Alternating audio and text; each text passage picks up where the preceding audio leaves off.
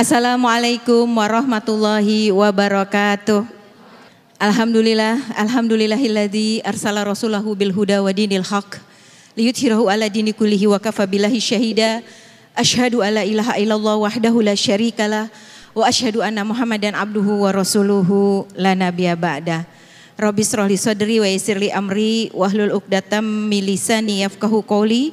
Robi habli hukma wa ahlikni bisalihin wa ja'ali lisana sidikin fil akhirin.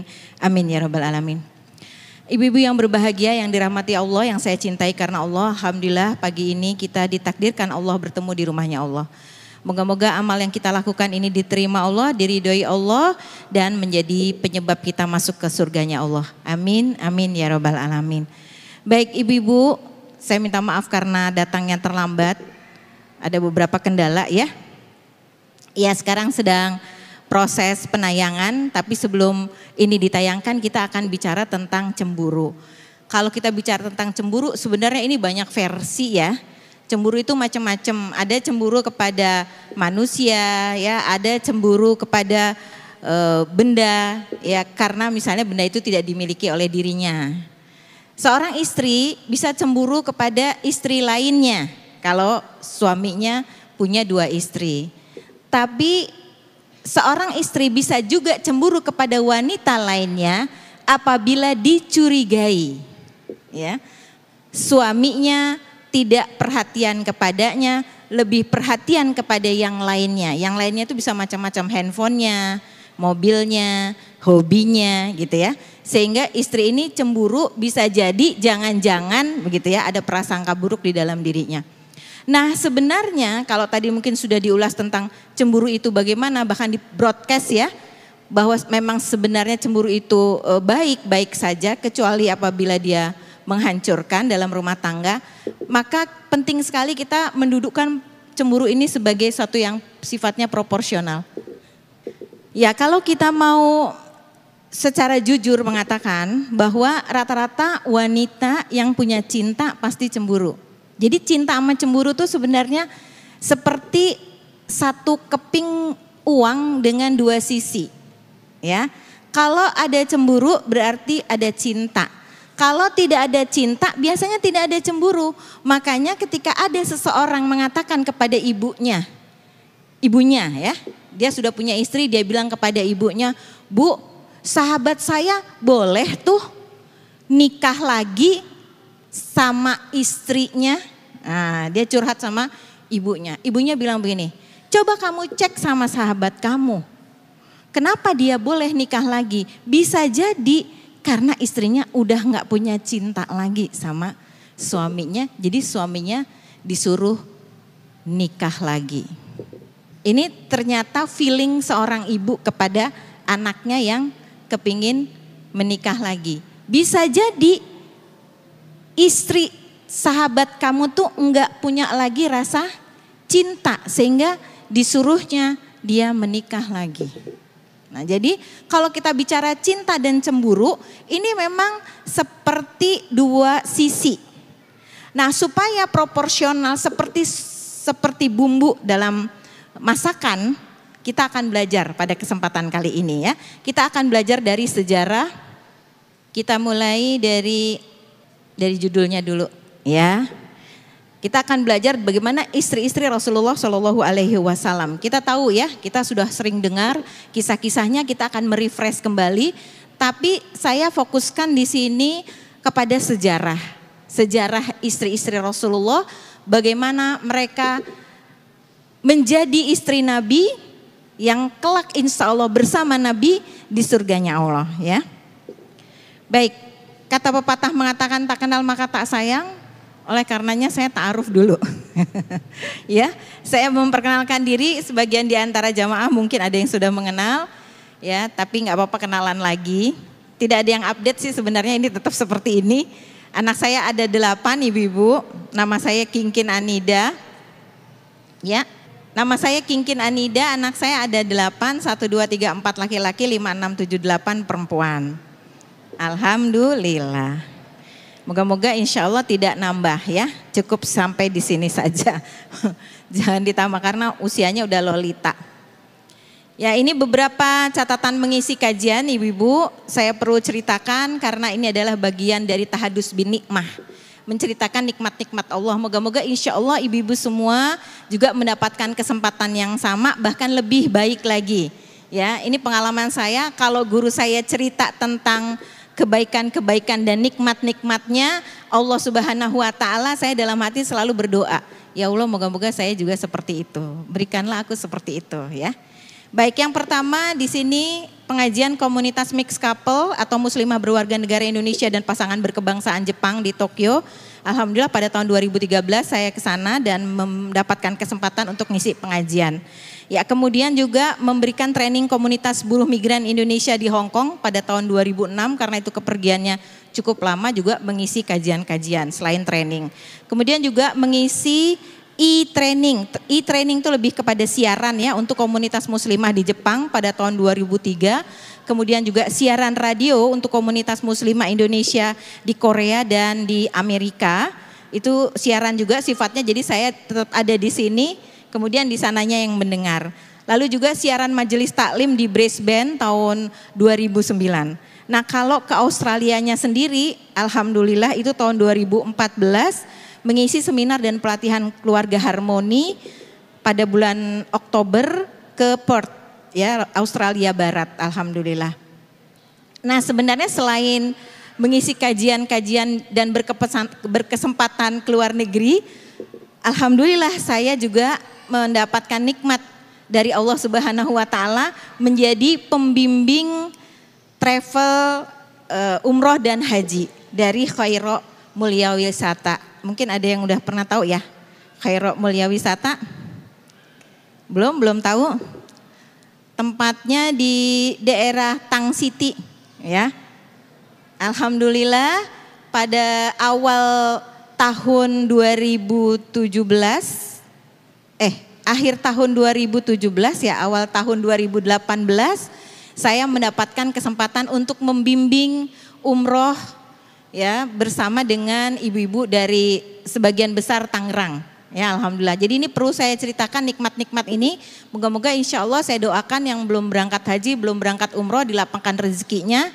Yang sudah berangkat haji, berangkat umroh dilapangkan lagi rezekinya bisa berangkat bersama dengan keluarganya. Amin, amin ya robbal alamin. Ya, sekarang kita akan masuk ke dalam tema pembahasan kita tentang pernikahan. Kita tahu bahwa Pernikahan yang kita jalani ini dengan satu cita-cita. Cita-cita untuk menjadikan keluarga kita samara ya cocok ya dengan majelis taklim hari ini. Samara, sakinah, mawaddah, warohmah. Sakinah itu sebuah cinta yang sifatnya tenang, menenangkan. Mawadah itu sebuah cinta, satu rasa cinta yang sifatnya menggebu-gebu, begitu ya. Sifatnya apa menggelora, membara, bergairah. Jadi bawaannya tuh pengennya nempel aja. Kalau bisa sih ke mana-mana gitu ya. Dan rohmah, rohmah itu adalah satu e, rasa cinta yang membuat kita mengasihani pasangan kita. Nah untuk yang pertama dan yang ketiga, untuk yang sakinah dan rohmah itu biasanya tidak ada cerita. Mulai ada cerita itu di mawadah, ketika gelora gairah membara, tiba-tiba yang kita cintai tidak memandang, tidak memperhatikan. Perhatian itu adalah bentuk cinta yang dipersepsi oleh kita kaum wanita. Ya. Jadi cinta mawadah harusnya mendapat respon berupa perhatian. Ya, jadi suami harusnya ngeliatin kita. Kalau kita lagi bergelora gitu. Jangan ngelihat yang lain-lain, apalagi lihat handphone. Kita rasanya seperti nomor dua, betul? Apalagi kalau dianya ngelus-ngelus mobil. Coba bayangkan kita kepingin dilus-lus, dia ngelus-ngelus mobil, ya itu di antaranya. Mawadah, ya cinta, cinta yang membara, cinta yang bergelora itu harusnya tumbuh tapi ketika ternyata tidak direspon, tidak mendapatkan tanggapan, baru deh mulai timbul sesuatu yang disebut cemburu. Nah ini dia poinnya. Jadi hakikat cemburu itu sebenarnya ketika gairahnya sedang menggelora, tiba-tiba suami tidak memperhatikan. Ini para ulama ada yang menasehati begini. Harusnya kalau suami udah masuk ke dalam kamar, maka sepenuhnya suami itu milik kita. Jadi tetap ya ibu-ibu berikan nasihat kalau mau komplain boleh komplain. Mas udah dong megang handphonenya kan tadi udah di sana-sana gitu ya. Jadi nggak masalah ibu. Terus nanti jadi ribut dong nih nih nih. Ya udah nggak apa-apa kita jadi lihat bareng-bareng ya. Misalnya begitu. Jangan pegang handphone sendiri-sendiri. Sebab kalau udah pegang handphone sendiri-sendiri, cinta yang tadi mau ada langsung seret hilang ya, hilang rasa, hilang gairah, nggak ada lagi uh, apa? nggak ada lagi keinginan untuk dekat ya udahlah dia pegang sendiri, dia cari senang sendiri, saya juga mau cari senang sendiri. Nah itulah permasalahan kita pada hari ini. Kalau dulu bagaimana dengan Rasulullah Shallallahu Alaihi Wasallam? Kita mulai dari pernikahan Nabi yang monogami ya. Nabi menjalani kehidupan pernikahan dengan dua model. Satu monogami ketika Nabi ada di kota Mekah dan satu lagi poligami begitu Nabi pindah ke Madinah. Nah, waktu di Mekah, Nabi menjalani pernikahan dengan Khadijah binti Huwailid itu sepanjang 25 tahun. Ya, sepanjang 25 tahun. Nabi menikah usia 25 tahun, 25 tahun kemudian Khadijah binti Huwailid wafat. Sekarang kita akan belajar bagaimana Khadijah binti Huwailid demikian dicintai oleh Rasulullah Shallallahu Alaihi Wasallam sehingga beliau menjadi juga pusat kecemburuan Aisyah radhiyallahu an. Nah, kita belajar Khadijah binti Khuwailid ini adalah istri yang setia dan penuh cinta. Ya, apa yang dimiliki oleh Khadijah itu diberikan kepada Rasulullah Shallallahu Alaihi Wasallam. Yang pertama yang diberikan oleh Khadijah adalah budak. Ya, budak yang diberikan kepada Nabi untuk jadi asisten pribadi Nabi Muhammad Shallallahu Alaihi Wasallam. Namanya Zaid. Tapi karena Zaid ini luar biasa baik, maka Nabi berkenan untuk memberi namanya Zaid bin Muhammad. Ya, kemudian Nabi ditegur tentang adopsi itu, lalu Nabi mengembalikan namanya Zaid bin Harithah. Semuanya udah paham ya untuk yang ini. Nah kita akan lihat bagaimana Nabiullah Muhammad Shallallahu Alaihi Wasallam menikahi Khadijah. Khadijah hidup dari 555 Masehi sampai diwafatkan Allah 619 Masehi. Dia adalah istri pertama Rasulullah Shallallahu Alaihi Wasallam, merupakan anak dari Huwailid bin Asad dan Fatimah binti Zaidah dan termasuk dalam suku Bani Hasim. Khadijah sebenarnya sudah pernah menikah dua kali. Jadi dengan Nabi ini pernikahan yang ketiga. Pernikahan yang pertama beliau menikah dengan Atik bin Abid. Kemudian yang kedua dengan Abihalah bin Malik. Dengan Atik bin Abid Khadijah mendapatkan anak namanya Abdullah dan Jariyah dengan Abu Halah namanya anaknya Hindun dan Zainab. Jadi Nabi menikah dengan Khadijah sudah punya anak empat ya. Ini pelajaran sejarah yang uh, perlu kita ingat. Betapa luar biasa Rasulullah mencintai istrinya ya. Bagi istrinya Rasulullah adalah suami yang ketiga kalinya ya. Tetapi Nabiullah Muhammad Shallallahu alaihi wasallam merasakan cinta yang mendalam. Ibu-ibu sekalian, itu kenapa uh, suami-suami Khadijah sebelumnya, suami-suami Khadijah sebelumnya wafat. Jadi bukan bercerai, tetapi wafat. Yang pertama wafat, nikah lagi, kemudian wafat lagi, nikah lagi gitu. Jadi ini pelajaran buat ibu-ibu yang ditinggalkan oleh suaminya, jangan berputus asa ya. Masih ada harapan. Ya, badai cepat berlalu itu maksudnya untuk menaikkan optimisme kita. Jadi eh, Khadijah adalah istri Rasul yang tidak pernah dimadu di dalam kehidupan pernikahannya. Ya, semata-mata hanya dia saja. Di samping itu ke semua anak Rasulullah Shallallahu Alaihi Wasallam kecuali Ibrahim adalah anak kandungnya. Jadi Nabi itu punya banyak anak, ya. Dan kebanyakan semua dari Khadijah. Istri-istri yang lain tidak memberikan anak kecuali Ibrahim. Ibrahim itu siapa? Nanti kita pelajari ya. Coba kita lihat mas kawin Rasulullah SAW kepada Khadijah waktu menikah itu sebanyak 20 bakrah. Jadi Rasul itu meskipun kita mendapati kisah-kisah hidupnya penuh dengan keprihatinan, tapi ketika melamar seorang wanita, lamarannya luar biasa. Ini kalau dikonversi ke mata uang rupiah sekarang, tadi saya udah ngitung-ngitung satu miliar. Karena 20 bakrah itu sama dengan 400 dinar. Satu dinar dua juta setengah bukan? Belum niat lagi ya. Kalau satu dinar dua juta setengah ya, benar nggak? Di sini siapa yang suka ngumpulin dinar? Ya jadi kalau 20 bakrah disamakan dengan 400 dinar dikali dua setengah juta berarti satu miliar untuk uang masa sekarang ya itu berarti luar biasa ya kelasnya Rasulullah Shallallahu Alaihi Wasallam ketika melamar Khadijah binti Huwailid. Bagaimana Rasulullah mencintai Khadijah sampai ada satu statement, pernyataan dari Nabi, demi Allah tidak ada ganti yang lebih baik dari dia yang beriman kepadaku saat semua orang ingkar, yang percaya kepadaku ketika semua mendustakan, yang mengorbankan semua hartanya saat semua berusaha mempertahankannya dan darinya lah aku mendapatkan keturunan. Ini Nabi ngomong ini gara-garanya asbabul urutnya apa sih? Ini karena satu ketika Rasulullah Shallallahu Alaihi Wasallam mendapatkan tamu di Madinah. Ya, tamu itu ketika mengucapkan salam, ya Nabi dari dalam menjawab dengan penuh keterkejutan, ya shock gitu. Kenapa? Karena sebenarnya tamu-tamu ini adalah yang pertama ada dua orang wanita.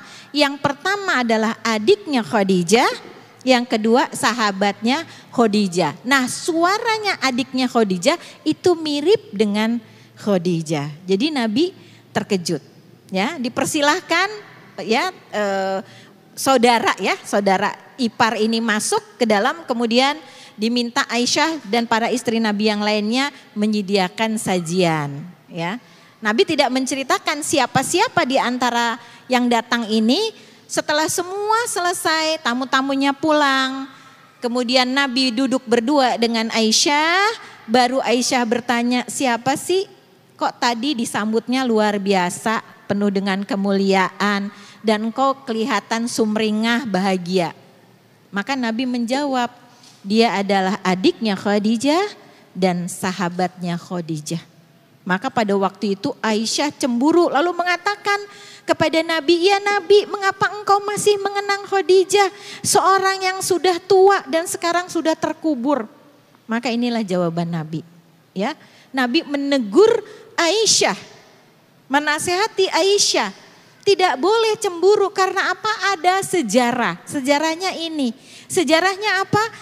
Dia yang pertama-tama taat, mendengar, beriman ketika semua orang ingkar, yang percaya tidak mendustakan, bahkan mengorbankan semua hartanya sampai habis. Padahal dua per tiga wilayah Mekah itu dulunya daerah kekuasaan Khadijah. Kalau mau disamakan dengan kekuasaan ya, kekuasaan pasar maksudnya. Karena Khadijah kan seorang konglomerat pada waktu itu. Jadi dua per tiga wilayah Mekah itu adalah daerah kekuasaannya Khadijah. Khadijah ini hartawan, kaya raya. Ya, tapi menikah dengan Nabi, semua hartanya disodakohkan menjadi amal jariahnya untuk membackup dakwah Rasulullah Shallallahu Alaihi Wasallam. Jadi kita bisa bayangkan luar biasa. Jadi hari ini kalau kita nikmat duduk di majelis, ini adalah bagian dari amal jariahnya Khadijah. Kita harus bersyukur dengan beliau. Bahkan ketika Khadijah wafat, tidak ada lagi harta. Sampai-sampai Khadijah bilang kepada anaknya Fatimah, tolong sampaikan kepada ayahmu, aku ingin kain kafanku adalah sorbannya Rasulullah Shallallahu Alaihi Wasallam. Bayangkan. Sampai sebegitu luar biasanya pengorbanan kain aja ya untuk mengafani beliau tidak punya. Jadi luar biasa. Makanya Nabi cinta. Nah ini kata kuncinya ya. Ternyata cinta itu bisa tumbuh manakala seorang wanita sangat pemurah, dermawan. Ya, ini e, untuk catatan ya buat kesimpulan. Nah, ketika Khadijah sudah tidak ada, Nabiullah berangkat e, ke Madinah dalam kondisi ya memprihatinkan sehingga ada yang membisikkan kepada Nabi, wahai Nabi hendaknya engkau menikah lagi. Aku punya calon. Nah, pada waktu yang bersamaan kemudian Rasulullah menikah ya pertama dengan Sauda, setelah itu dinikahkan dengan Aisyah. Rasul menikahi Saudah begitu wafatnya Khadijah. Dinikahi saat menginjak fase menopause. Jadi Saudah sendiri memang dalam kondisi fase menopause dan telah memiliki enam orang anak. Ya. Saudah wafat di Madinah pada 54 Hijriah. Jadi setelah Rasulullah SAW tidak ada baru beliau menyusul. Apa sih yang yang membuat Saudah memiliki takdir terbaik sehingga mempunyai uh, suami Rasulullah Shallallahu Alaihi Wasallam karena dia pemurah, dia seorang yang dermawan, dia suka memberi, ya. Bahkan sebelum menikah dengan Rasulullah, dia bermimpi bahwa ada bulan jatuh di pangkuannya. Ya, dan itu diceritakan kepada suaminya waktu masa jahiliyah sehingga suaminya mengatakan, "Apakah maksudmu nanti engkau akan menikah dengan Muhammad itu?" Ya, itu di antaranya yang membuat Saudah ya mendapatkan iya Pak, ya Pak, takdir terbaik ya menjadi istrinya Nabiullah Muhammad Shallallahu Alaihi Wasallam. Poinnya hampir sama dengan Khadijah seorang yang permurah dan dermawan. Kemudian selanjutnya ini yang kedua ya dari uh, fase pertama kehidupan poligami Nabiullah Muhammad Shallallahu Alaihi Wasallam, yaitu menikah dengan Aisyah binti Abu Bakar. Ini beberapa riwayat mengatakan dinikahi Rasulullah saat usia belum mencapai 10 tahun Sejarah yang lain mengatakan bahwa pada waktu itu berusia 13 tahun. Ya, berkumpul dengan Rasulullah usia 17 tahun atau antara 17 sampai 18 tahun ya. Jadi ada beberapa versi sejarah. Tapi kalau misalnya kita mau cocokkan dengan umurnya dengan Hafsah, Hafsah itu dinikahi oleh Rasulullah berusia 20 tahun dan antara Aisyah dengan Hafsah ini seperti teman sebaya eh, selisihnya hanya dua tahunan gitu ya. Jadi kalau mau diterjemahkan, oh berarti Aisyah berkumpul dengan Nabi, satu rumah dengan Nabi usianya antara 17 sampai 18 tahun. Ibu-ibu waktu sweet 17 gimana uh, hatinya? Gimana uh, gairahnya, geloranya? Bisa dibayangkan? Mengenang masa yang lalu? Wah, pokoknya luar biasa tuh ya, masa-masa yang paling indah dalam kehidupan seorang gadis. Nah, begitulah e, pernikahan yang dijalani oleh Aisyah. Jadi kita bisa membayangkan kenapa kok di dalam pernikahan Nabi ini kecemburuan itu paling banyak diriwayatkan dengan riwayat Aisyah. Ya.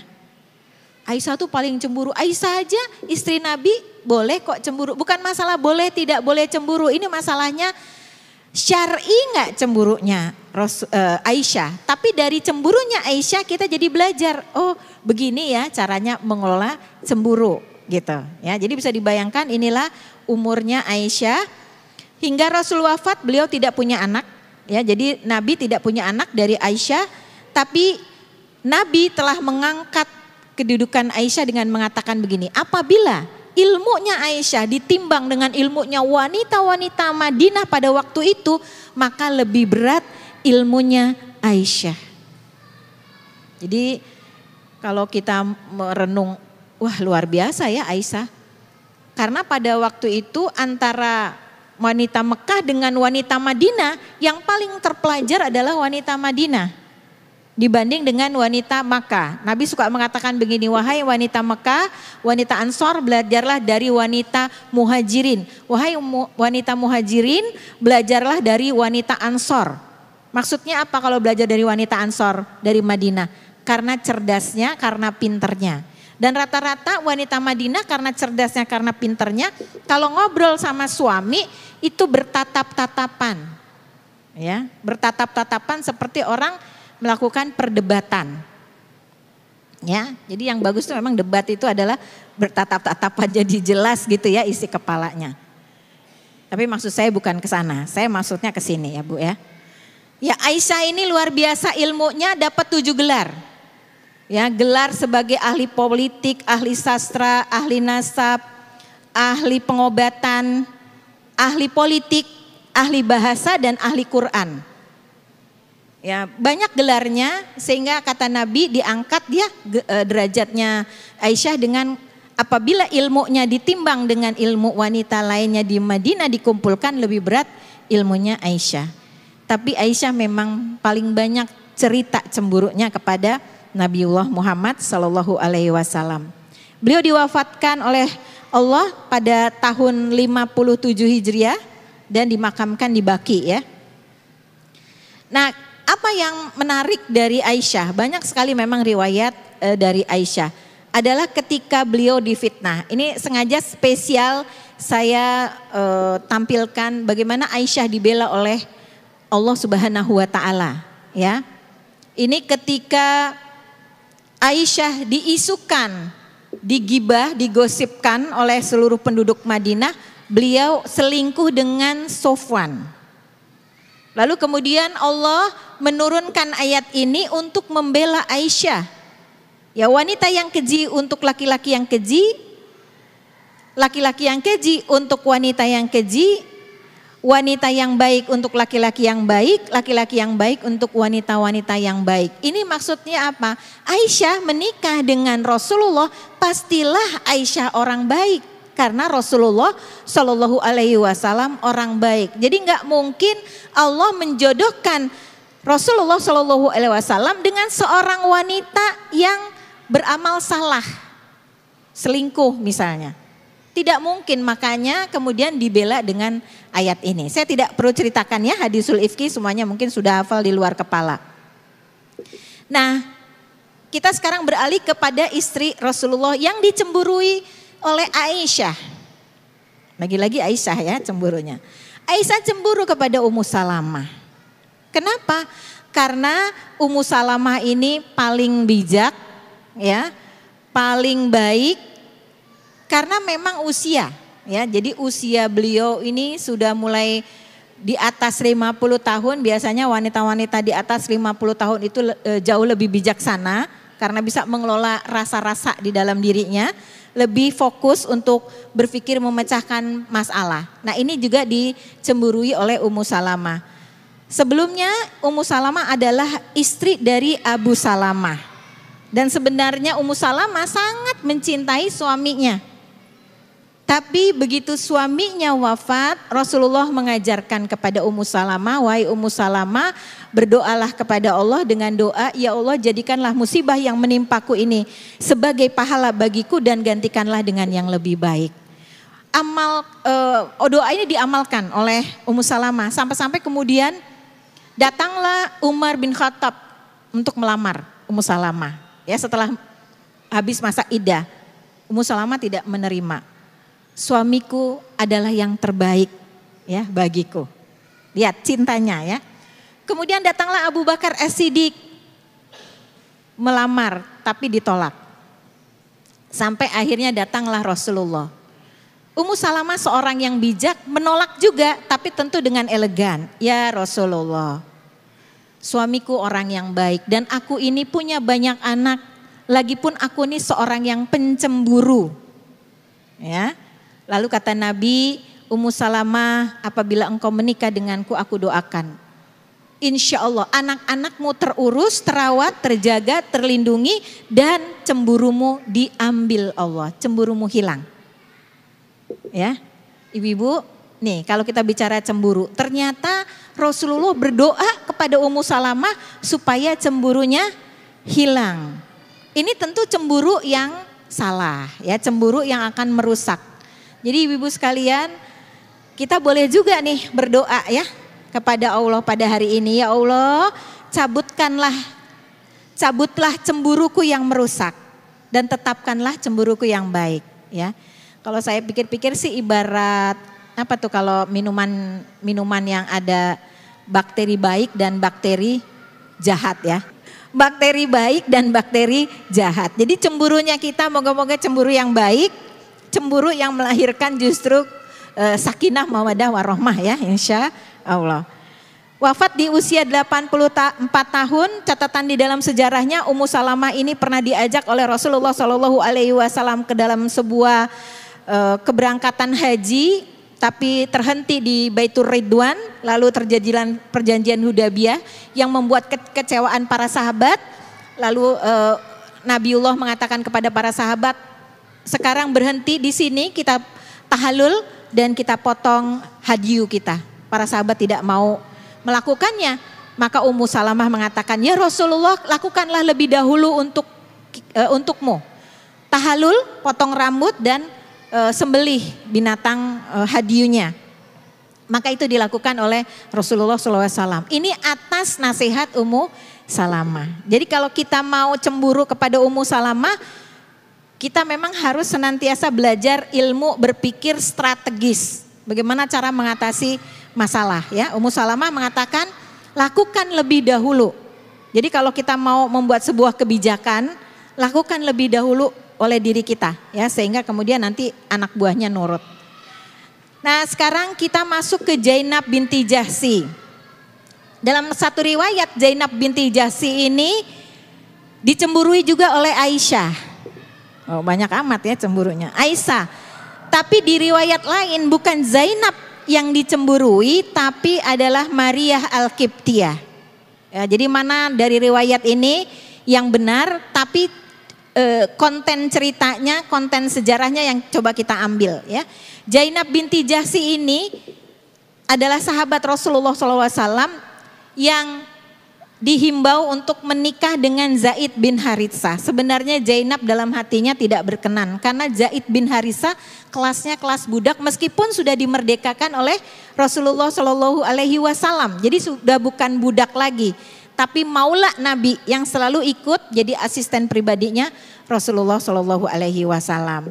Dianjurkan menikah dengan uh, Zaid.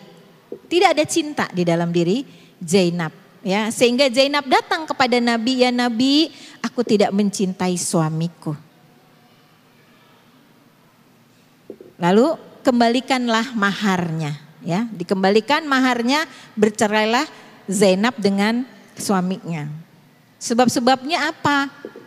Ya, sebab-sebabnya sebagai wanita bangsawan tidak melihat izah atau gengsi atau brand ya, image dari Zaid bin Harisah karena tentu cara budaya pergaulan, pembicaraan tidak seperti kelas bangsawan gitu loh. Sehingga tidak ada rasa cinta di dalam diri Zainab ya.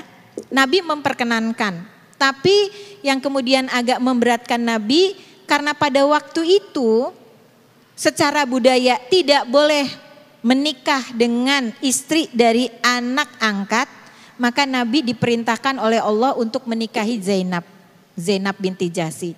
Dia seorang wanita yang luar biasa karena bisa mengumpulkan para penyamak kulit, bisa berdagang, punya uang, makanya sering bersodakoh. Apa riwayat yang membuat Aisyah cemburu sama Zainab? Riwayatnya begini, ya. Jadi ada dua cerita, Zainab atau Maria Al-Qibtiyah. Yang cerita sesungguhnya adalah ketika Rasulullah disajikan minuman madu di rumahnya Zainab. Nah, pada waktu itu Nabi setelah minum madu udah bersihkan mulut, bersiwak, lalu datanglah ke tempat Aisyah. Kata Aisyah, "Ya Rasul, mulutmu bau." Nabi nggak enak hati. Lalu datanglah ke tempatnya Hafsah. Zainab sama Hafsah ini soulmate. Ya, karena bedanya cuma dua tahun. Ya. Bersepakat kalau Nabi habis minum madu dari rumahnya Zainab, maka bilang mulutnya bau. Jadi begitu sampai di rumahnya Aisyah dibilang mulutnya bau, Nabi ke tempatnya Hafsah. Hafsah ini anaknya Abu Bak uh, Umar bin Khattab. Ya, kata Hafsah ya Nabi mulutmu bau. Nabi jadi sedih ya, mikir gitu. Apa benar akhirnya Nabi menetapkan bagi dirinya sejak sekarang saya haram minum madu. Allah menegur Nabi ada di dalam surat At-Tahrim ayat 1. Ditegur, yang halal jangan diharamkan. Ya, madu itu halal bukan haram. Ya, sehingga pada waktu itu Nabi melihat, oh, ini pasti gara-gara mereka nih yang muda-muda cemburu kepada Zainab binti Jahsi, ya. Lalu Aisyah ditegur oleh Rasulullah Shallallahu alaihi wasallam, ya. Jadi tidak boleh kita cemburu kepada orang yang melayani dengan sebaik-baiknya suaminya.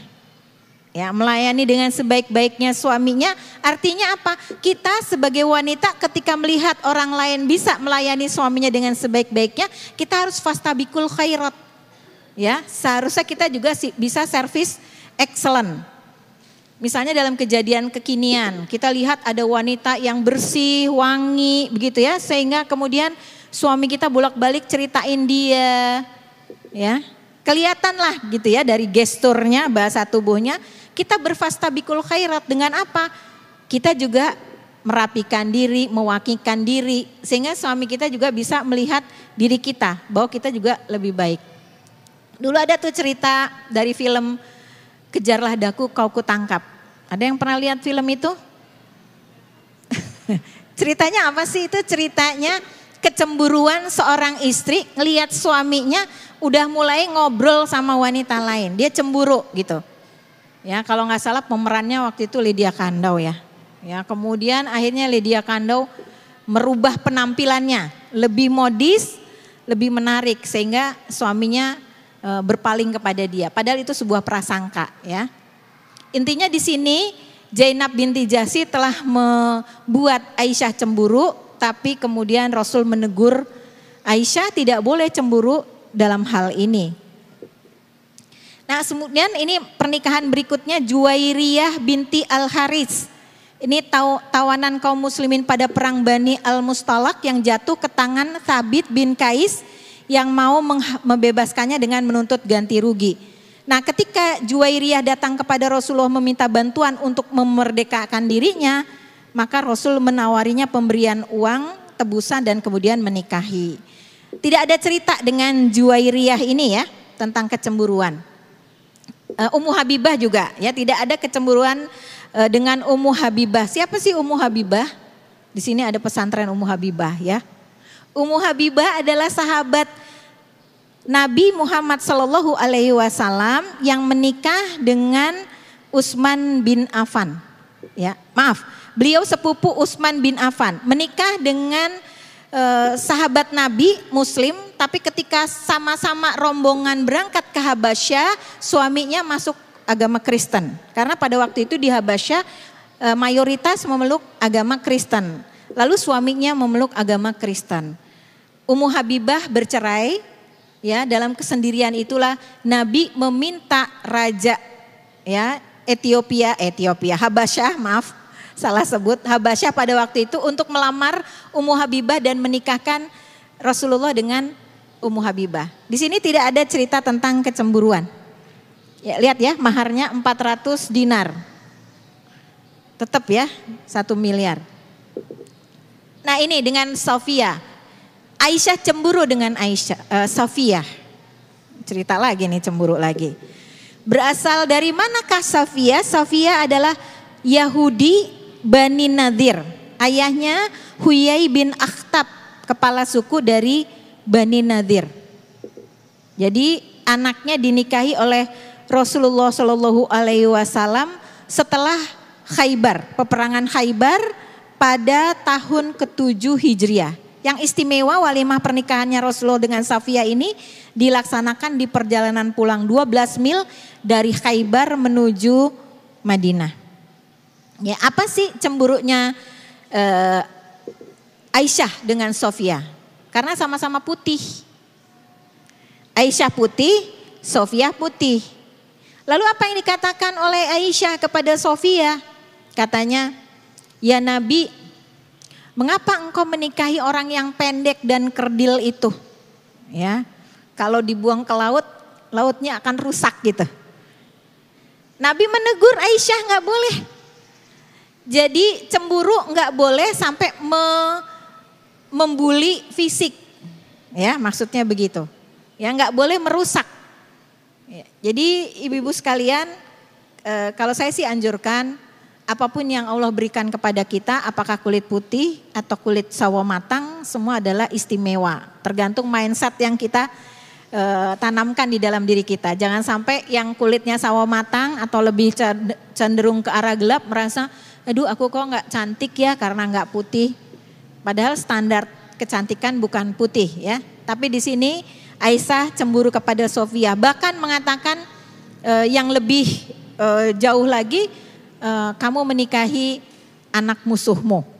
Ya, itu di antaranya kata-kata Aisyah. Aisyah ditegur oleh Rasulullah Shallallahu Alaihi Wasallam tidak boleh ya mengatakan hal yang demikian. Ya ini sifatnya e, sejarah. Jadi kalau misalnya itu e, terkait dengan hal-hal yang sifatnya sejarah, Nabi mengarahkan menasehati Aisyah ya.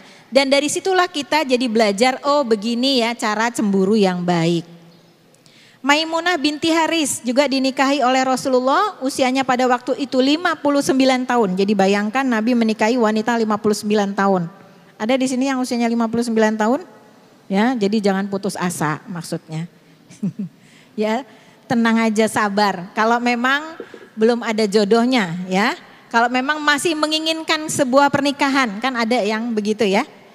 Ya kalau sudah tidak memikirkan ya sudah selamatlah ya dari masalah cemburu ini. Apa yang menarik dari Maimunah binti Haris? Dari Maimunah binti Haris ini yang menyebabkan turunnya surat Al-Ahzab ayat 50. Ya dan e, Maimunah dianugerahi cukup panjang usianya sampai usia 80 tahun. Nah ini dia Maria Al-Kibdiyah yang dicemburi oleh Aisyah. Ya tadi saya katakan ada dua riwayat yang masih bertentangan apakah Zainab binti Haris atau Maria Al-Kiptia. Tapi Maria Al-Kiptia dicemburui oleh Aisyah itu karena Maria Al-Kiptia punya anak dari Nabi. Meskipun anaknya tidak berusia panjang. Anaknya laki-laki Ibrahim hanya sampai usianya di situ e, dua tahun saja. Ya, Sayangnya Ibrahim wafat saat berusia dua tahun. Istri-istri Nabi yang lain sangat cemburu akan kehadiran wanita Mesir yang cantik itu sehingga Rasul harus menitipkan Maria di rumah Harithah bin Nu'man yang terletak di sebelah masjid. Ya, jadi Maria Alkiptia orang Mesir cantik dan kemudian bisa punya anak dari Rasulullah, tapi kemudian atas takdir Allah diwafatkan di usia dua tahun. Nah kalau kita sekarang mendengar kata Habib Habib itu turunan dari Rasulullah, ngambilnya dari mana? Itu jalurnya jalur Fatimah. Ya, jalur wanita. Jadi istri-istri Nabi, maaf, istri Nabi eh, Khadijah binti Huwailid punya anak perempuan. Nah, anak-anak perempuannya Nabi itu punya anak-anak lagi. Nah, itulah kemudian keturunannya ke bawah jadinya Habib. Jadi e, kalau kita mengenal istilahnya matrilenial ya, seperti orang Padang, ngambil jalurnya jalur wanita bukan laki-laki. Jadi Habib yang ada sekarang itu berdasarkan e, itu ya, jadi bukan e, seperti ini karena Nabi nggak punya lagi anak lelaki kecuali Ibrahim tapi sudah diwafatkan oleh Allah Subhanahu wa taala pada usia dua tahun. Nah, sekarang poinnya setelah kita membahas uh, luar biasa ya kisah dari bagaimana Aisyah mencemburui istri-istri Rasulullah. Kita paham bahwa Aisyah usianya muda, 17-18 tahun dan harus bergilir dengan istri-istri Nabi yang lain. Bayangkan kita waktu menikah itu nggak pernah ada giliran, alhamdulillah ya. Artinya semua waktunya bahkan malam-malam bulan madu itu semuanya buat kita. Coba bayangkan, ini nggak penuh dibagi-bagi ya dengan istri-istri Nabi yang lain. Makanya Aisyah cemburuan ya. Tapi Nabi selalu e, meluruskan menasehati Aisyah kalau cemburunya nggak syar'i, tapi kalau cemburunya baik, Nabi tidak menegur. Misalnya begini, satu hari Ummu Salamah meminta kepada pembantunya memberikan kurma dalam nampan, ditaruh di nampan gitu, kurmanya dibawa, berikan kepada Rasulullah di rumahnya Aisyah. Ini emang lagi giliran sama Aisyah. Tapi ketika pembantunya ini sudah memberikan kepada Aisyah, Aisyah langsung menempis. Bayangkan, waduh. Ya, menepis sehingga kurmanya pada jatuh. Nabi menegur Aisyah enggak? Enggak. Kata Nabi begini. Maaf ya, ibu kamu lagi cemburu. Ya, ibu kamu lagi cemburu karena bisa jadi Aisyah pada waktu itu berperang sangka orang kita lagi berduaan kenapa sih pakai diganggu-ganggu dikirimin makanan kan jadi ngingetnya ke sana ya yang ngirim makanan makanya ditepiskan. Lalu dia bilang eh, Rasulullah bilang maafkan ibumu lagi cemburu ya sehingga pungutlah kumpulkan. Lalu dipungutin tuh sama pembantunya Ummu Salamah. Nah karena Aisyah tahu ya bahwa Nabi tidak menasehati dia, dia merasa bersalah. Dia juga mungutin kurma-kurma itu terus makan juga ya. Jadi untuk mengobati rasanya. Terus yang apalagi yang kedua, ketika satu malam Rasulullah datang ke kamarnya Aisyah pada waktu itu gilirannya Aisyah, tapi melihat Aisyah sedang tertidur, Rasulullah kembali keluar, ditutup pintu. Aisyah jadi curiga, cemburu lah ya dia, membara. Orang giliran saya kok pakai keluar gitu. Sehingga Aisyah cepat-cepat pakai kerudung, ngintilin ya ngeliatin nih Nabi ke mana nih gitu ya. Ada yang di sini suka ngintilin suami? Pasang itu apa penyadap di mobil? Ada? Ya ada di daerah sana tuh. Tapi akhirnya dia membara sendiri ya. Ya saya tidak cerita. Ini Nabi, e, Aisyah mengintilin Nabi. Sampai akhirnya dia lihat Nabi ke kuburan Baki. Di kuburan itulah Nabi mengangkat tangan seperti berdoa, lalu selesai balik lagi jalan menuju arah pulang. Aisyah tahu, waduh Nabi mau pulang nih. Maka Aisyah cepet-cepet ngacir gitu ya. Masuk ke dalam kamarnya sambil coba bayangkan lari-lari. Begitu Nabi datang, kelihatan Aisyah terengah-engah. Kamu kenapa Aisyah? Kupikir kamu sedang tidur. Jawab Aisyah, ya Nabi, Aisyah gak bisa bohong dong ya kan Nabiullah gitu, pasti tahulah kalau bohong. Ya Nabi tadi aku melihat engkau ke kuburan Baki. Ngapain kamu ikut-ikut aku ke kuburan Baki? Ya Nabi aku mau belajar bagaimana caranya ziarah kubur. Jadi Aisyah memang pinter, iyalah ya. Tujuh gitu loh ilmunya dapat tujuh gelarnya dengan ilmu yang luar biasa. Maka untuk menghilangkan rasa marah Nabi, Aisyah bertanya begitu, ya Nabi bagaimana cara ziarah kubur? Lalu Nabi menjelaskan, kalau engkau ziarah kubur datanglah berilah salam doakan yang wafat lalu kembalilah. Nah di situlah kita jadi bisa belajar, oh begitu ya cara ziarah kubur dari Aisyah radhiyallahu an. Nah kita bisa lihat di sini bahwa Aisyah alhamdulillah sebagai istri Nabi yang termuda masih mampu mengelola rasa cemburunya ya Alhamdulillah cemburunya tidak banting-banting ya. Tadi nggak banting loh, tadi menepis kan beda ya, membanting sama menepis. Jatuh juga, cuma bedanya kalau membanting itu uh, kekuatan penuh full power gitu ya. Tapi kalau menepis tidaklah ya, itu masih bisa mengendalikan rasa cemburunya. Nah kemudian dari situ kita tahu bahwa cara mengelola cemburu, cemburulah pada hal-hal yang sifatnya bukan uh, fisik, bukan sejarah ya, bukan uh, apa pelayanan amal, tapi lebih kepada cemburu yang yang bisa dipecahkan ya.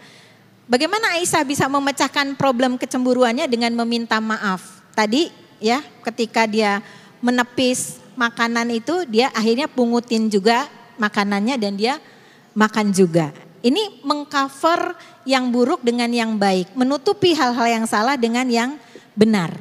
Nah, itu salah satu cara mengelola cemburu. Nah, jadi ini ya poinnya saya saya simpulkan sepanjang melahirkan kebaikan bukan kerusakan boleh silahkan cemburu. Suami masuk ke kamar masih megang handphone. Lalu katakan kepada suami, "Mas, cintanya sama siapa, Mas?" Ya. Supaya ini bisa menimbulkan eh, apa istilahnya? ikatan hati antara suami dan istri. Kalau sama-sama megang handphone lalu kita cuek, maka ikatan hati itu juga lama-lama lepas ya. Cemburu itu iri ya, sebenarnya dia iri dalam masalah perhatian dan cinta. Jadi kalau kita iri dalam masalah perhatian dan cinta, kita sekarang berlomba untuk memperhatikan dan mencintai. Ya, insya Allah dengan kita memperhatikan, mencintai, lama-lama dia akan bertumbuh menjadi cinta dan juga perhatian yang akan kembali kepada diri kita sendiri, insya Allah. Jadi irilah pada mereka yang dermawan dan banyak mengamalkan Al-Quran. Ya, close-nya Ingatlah satu masa di mana tidak ada lagi cemburu di dalam hati kita. Kapan? Kapan Bu? Satu masa kita tidak lagi punya rasa cemburu. Kapan? Bu? Kok ibu-ibu masih mikir gitu ya? Bu, kapan Bu? Di mana Bu? Di surga. Ya, ibu-ibu mau masuk surga? Ya. Nanti Bu, kita udah nggak ada rasa cemburu lagi. Dicabut oleh Allah Subhanahu wa taala. Pada waktu itu semua penduduk surga bahagia termasuk diri kita. Padahal suami kita punya 72 72. Berapa Bu? 72. Apa? Bidadari. Benar kan? 70 dua. Bida, bidadari. Alhamdulillah pada waktu itu kita nggak cemburu bu. Biasa-biasa aja. Kenapa? Kita udah sibuk banget. Ya, karena biasanya apa yang kita lakukan di dunia itu akan menjadi kesibukan kita juga di akhirat. Di dunia ibu sibuknya ngapain aja nih bu?